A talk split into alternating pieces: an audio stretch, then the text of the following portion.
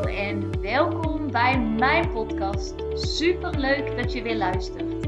Mijn naam is Bente en ik zie het als mijn missie om mezelf en zoveel mogelijk anderen te helpen naar hun droomleven. In deze podcast heb ik het over hoe je een succesmindset ontwikkelt, wat de wet van aantrekking is, hoe je deze voor je laat werken en hoe jij stappen kunt zetten richting jouw droomleven.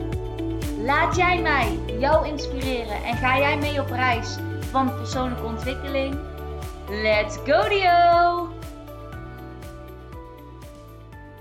Ja, het duurde even, maar daar ben ik weer. Want ik wil eigenlijk een heel kort inzicht met je delen van over iets, zeg maar, waar ik uh, ja, de laatste dagen mee bezig was. En uh, dat, dat kwam eigenlijk doordat um, ik werd eigenlijk zelf geconfronteerd met een stukje gezondheid. En ik wil er eigenlijk niet te diep op ingaan.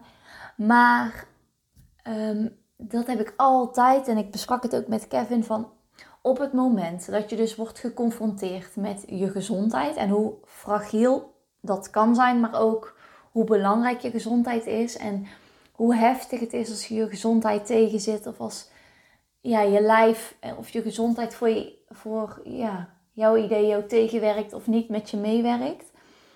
En toen kwamen we eigenlijk weer tot het volgende inzicht van, dat zei ik ook tegen Kevin van, zonder gezondheid heb je helemaal niks. Want ik zei, stel nou dat dit wel heel heftig was.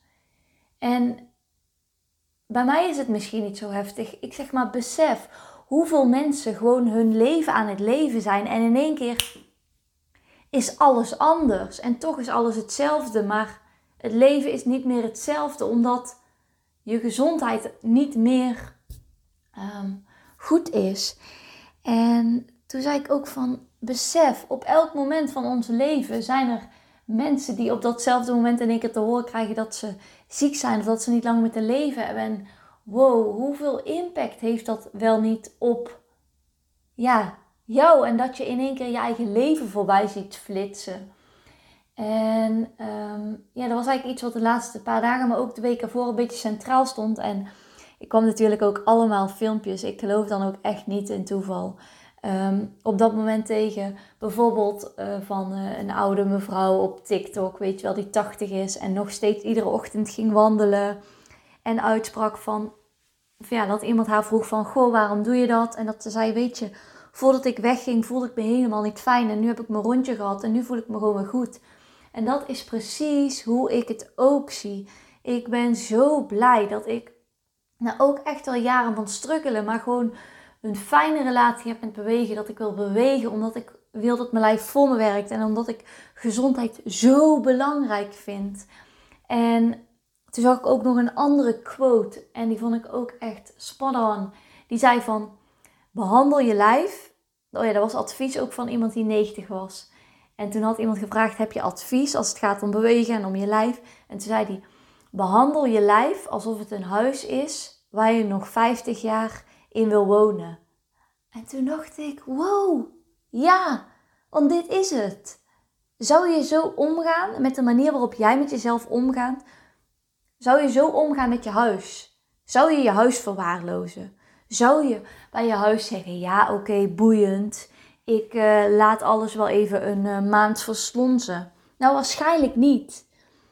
En zou je onder het mom van self-care, uh, wat we dus doen met eten, onszelf volproppen met echt dingen waarvan we weten dat het niet goed voor je is, um, zou je dat met je huis doen? Zou je allemaal dingen in je huis. Uh, zou je allemaal zooi in je huis gaan halen? Zou je expres zand naar binnen gaan gooien in je huis en dat gewoon laten liggen? Nou, ik denk het niet.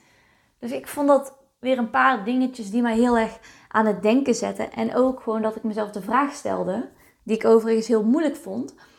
Als ik nou elke dag zou leven, alsof het mijn laatste is. Want in principe is dat zo, hè? Alleen, ik zei ook tegen Kevin, ik heb dat zelf ook ik, dat is geen standaard punt waarop ik kan blijven staan. Want je gaat ook weer mee gewoon in het ritme van de dag. Maar toch, wat zou ik doen als vandaag mijn laatste dag hier zou zijn? Of als een van mijn laatste dagen? dat geeft zo'n mindfuck en tegelijkertijd geeft dat zoveel helderheid dat je denkt van oké, ik maak me dus druk om dingen die er totaal niet toe doen. Die niet boeien. Het boeit niet als je doodgaat wat jouw buurman vindt. Het boeit niet of je 1 of 2 kilo lichter was. Het boeit niet of je um, even, ja, even denken. Moet nou moet ik iets verzinnen, maar uh, het boeit niet dat je even wat luier was. Het boeit niet dat je um, morgen je huis poetst in plaats van vandaag. Wat is nou echt belangrijk op het moment dat alles wegvalt en je alleen nog maar dat gevecht hebt tegen die gezondheid? Wees nou eens dat gevecht voor. Zorg nou eens dat dat gevecht er nooit hoeft te komen. En bedenk dan eens hoe jij om zou gaan met een huis waar jij nog 50 jaar in wil wonen. En bedenk dan ook eens hoe wil jij omgaan met jouw huis, met jouw lichaam, met jouw gezondheid. Voor het te laat is. Oké, korte rent. Maar uh, dat is even mijn besef en hoe ik erover dacht.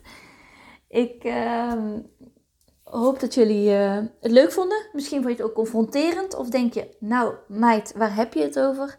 Lekker laten gaan dan. Maar eh, als je het wel leuk vond, laat het me dan zeker weten. En tot de volgende keer. Doei!